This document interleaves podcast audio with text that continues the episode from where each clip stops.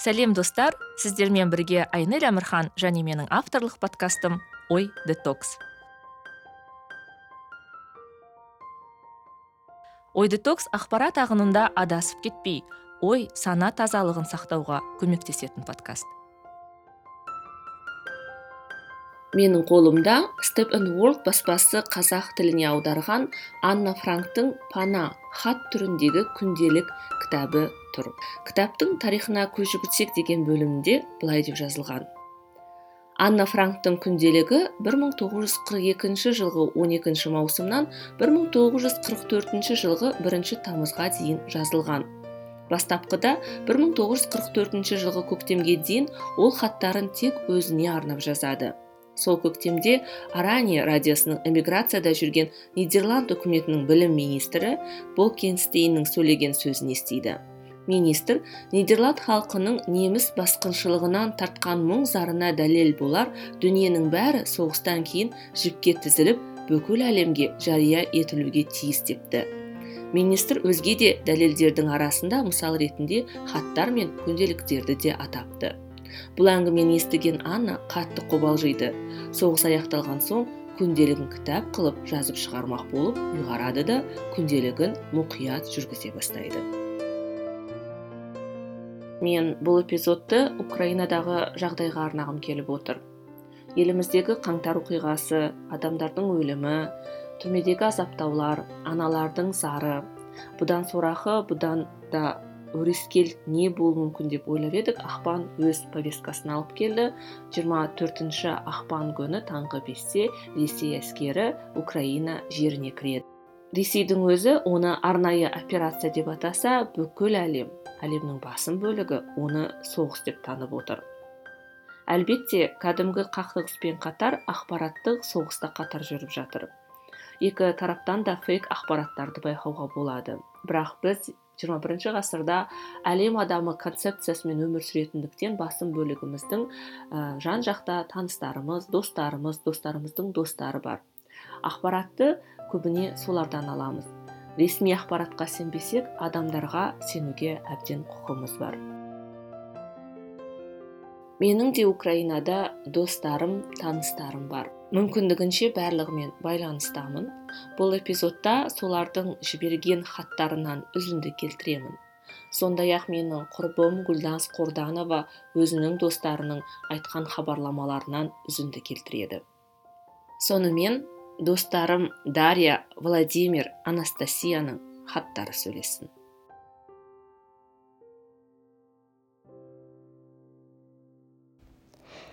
2022 жылғы 24 ақпан таңғы бес. Мен сүйікті қаламда жарылыстар легінен ояндым.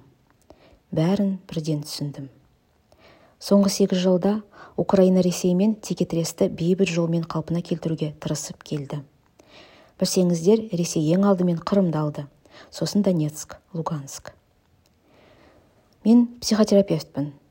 Мен психикалық бұзылыстарды жақсы тани білемін. Ресейдің украинаға басқыншылығынан бір күн бұрын әріптестеріме путиннің психикалық ауытқуы бар екендігін түсіндіргім келді. Украинаға шабуыл жасауы әбден мүмкін екендігін айттым. Ешкім сенбеді. Үлкен күш бір қолында жинақталған адамның адамзатты жаппай қыра салуға деген ешқандай моральдық кедергілері жоқ екендігін түсіну ауыр. Оны қабылдау мүмкін емес. Бүгін алтыншы күн оқ пен бомба астында отырған мен жүрек түкпірімде оның әлі де болса тоқтай алатын шегі бар деп сенгім келеді. Сол мезетте ол шектің жоқ екендігі тағы да бірден түсінемін. Шексіз билік адамның миына черепно-мозговое давление сияқты әсер ететіні дәлелденген. Ұзақ уақыт билікте отырған адам қалай өзгеріп кеткенін өзі де түсінбейді. Властелин колестегі горлум естеріңізде ме? Айнель бұл тозақтан тірі шығамын ба жоқ па білмеймін. Алайда менің сөздерім өзгелерге ескерту ретінде қалса екен деймін. Айналаңызға қараңыздаршы. Бүгінде қасыңызда осындай горлым жүрген жоқ па? Менің басқару жөніндегі кеңесші және бизнес тренер ретінде 20 жылдық тәжірибем бар. Өзіңде айнель менің бірнеше тренингіме қатысқан болатынсың. Киевте тұрамын. Таңғы бесте алғашқы жарылыстарды естігенде әйелім екеуміз бәрін бірден түсіндік. Үнсіз құжаттарды ақша мен бомба убежищеге қажет заттарды жинай бастадық. Менің отбасым суық подвалда түнеп жүргеніне бірнеше күн болды. Мен әскерилер отбасынанмын. Өзім де үш жыл әскери училищеде оқығанмын. Бұл өте көмектесті. Келіншегім де әскери адам сынды. Оны жұбату қажет емес. Біз тек жиірек құшақтасатын болдық. Бұл өте маңызды. Біздің подвалда донбасстан қашқан жас жұп пен олардың ағасы бар. Олар орыс тілді. Подвалға түсіп жас жұпқа қағазбен қалай жылынуға болады азық түліктен не алу қажет екендігін түсіндіре бастағанымда жүрегім қарс айырылды. Еркіндікте өсіп жетілген жастардың жүректері ашу мен ызаға тола бастағанын көру сезіну өте ауыр. Адамдарға бизнесті дамытуға көмектесудің орнына мен бүгінде қиын қыстау уақытта тірі қалу жолдарын түсіндіріп оқтын оқтын естілетін жарылыс астында бір жола салдары суға кетпес үшін анекдот айтып кейде шарап та құйып көңілдерін аулауға тырысамын. Айнел саған хабарлама жазып отырып жылап отырғанымды жасырмаймын. Жоқ бұл қорқыныштың жасы емес. Бұл оккупанттардың менің еркін әдемі қаламды зорлап жатқандығын сезінудің шарасыздықтың жасы. Осы күндері халқыммен ерекше мақтанамын. Бірлігіміз арта түсті. Бұл бұл жұмас шындық. Айнел қазір әркімнің өз шындығы бар дейтіндер көбейді. Жоқ бұл шындық біреу ғана. Ол фашистік режим және соғыс. Мен бүгінде мариупольда тұратын қазақстан азаматымын. Ресейде туыстарым да достарым да бар. Бұл ұлт мәселесі емес. Десек те бір жағынан путинді қолдап екінші жағынан бейбіт өмірді тілейтіндер бар. Бұл екі жүзділік соншама төгілген қан өлген адам бейбіт өмірдің өтеуі дегенге қалай сенуге болады? Үнсіздік танытып оқуға жағдайды зерделеуге ерінетіндер. Одан қашатын фашистік режимді қолдайтындар мен үшін. Өкінішке орай ондай жандар айналамда көп болып кетті. Құрбым анастасия настядан екінші наурыздан бері хабар жоқ. Біз достарымызбен оның амандығын білудің бар амал тәсілдерін жасаудамыз.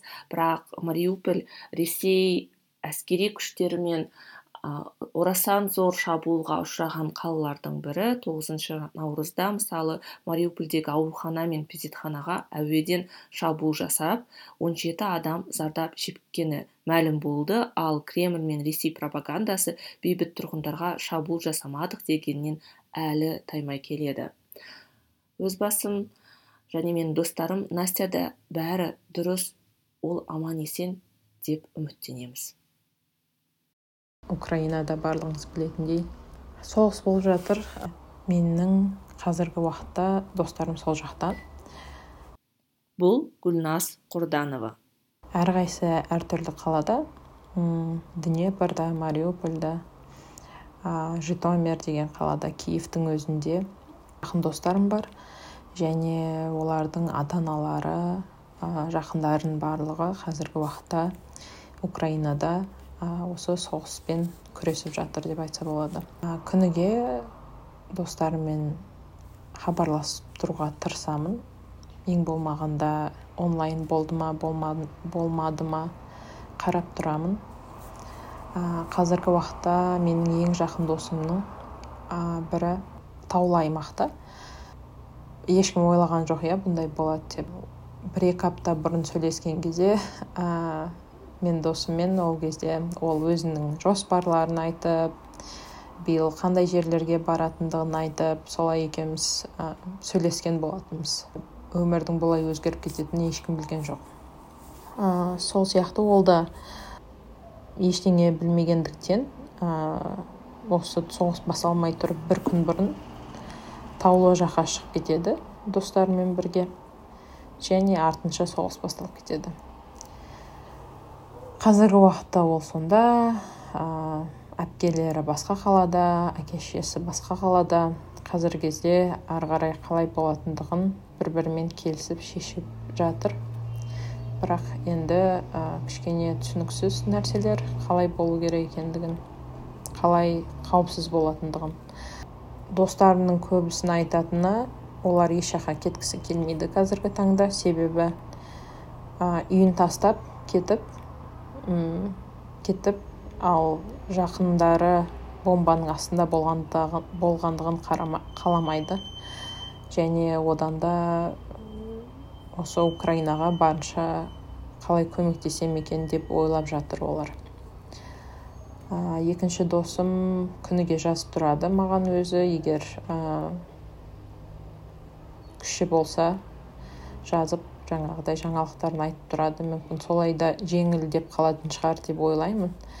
Бірақ күніге мысалға бүгін сәлем гүлназ бүгін ә, соғыстың үшінші күні сәлем гүлназ бүгін соғыстың төртінші күні бізде осындай осындай нәрселер болды дегенді есту оңай емес. Бірақ ә, ештеңе естімегеннен қарағанда күніге бір ә, хат алып тұрған жақсы және жеңілденіп қаласың. Бүкіл достарым орысша сөйлейді ол жақта орысша сөйлемегендер қысады деп айтатындай емес. Ә, қазірдің өзінде маған ешкім гүлназ біз ә, бұдан былай тек қана ағылшынша сөйлейік деп жатқан адамдар жоқ. Ешқандай ондай бір біріне деген ә, жаугершілікпен қарап жатқан адамдар жоқ. Себебі ә, менің ойымша украинаның адамдары олар өте мейірімді адамдар негізі мейірімді және ә, соғыстың барысында көріп жатқанымыздай ә, бір біріне өте ә, қамқор адамдар. Ә, басқа ә, танысым ең басында бастаған кезде барлығы жаза бастағандықтан ол кісі ә, жеке жеке жазбауымды сұраған. Сондықтан мен ә, көп күніге хабарласпадым. Бірақ кеше осылай аудио сообщение жазып жібергеніме ол да қуанып қалдым деп ә, жауап жазды рахметін айтып. Сол таң атқаннан кеш батқанға дейін осылай жаңалықтарды тыңдаймыз тағы да бір сұмдық нәрсе болмаса екен деп тілеп отырамыз.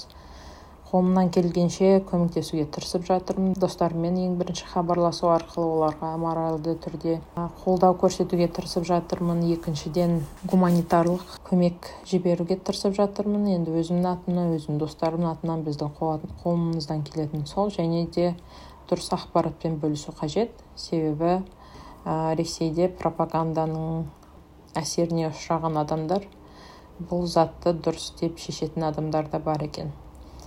Ә, сондықтан қолымыздан келген жасап жатырмын. Бірақ әрине күніге достарымның қал жағдайына қатты қатты алаңдаудамын. Ә, және қорқынышты жағдай. Сондықтан тезірек бұл ә, соғыс тоқтатылып достарым аман есен болса екен деймін ең бастысы.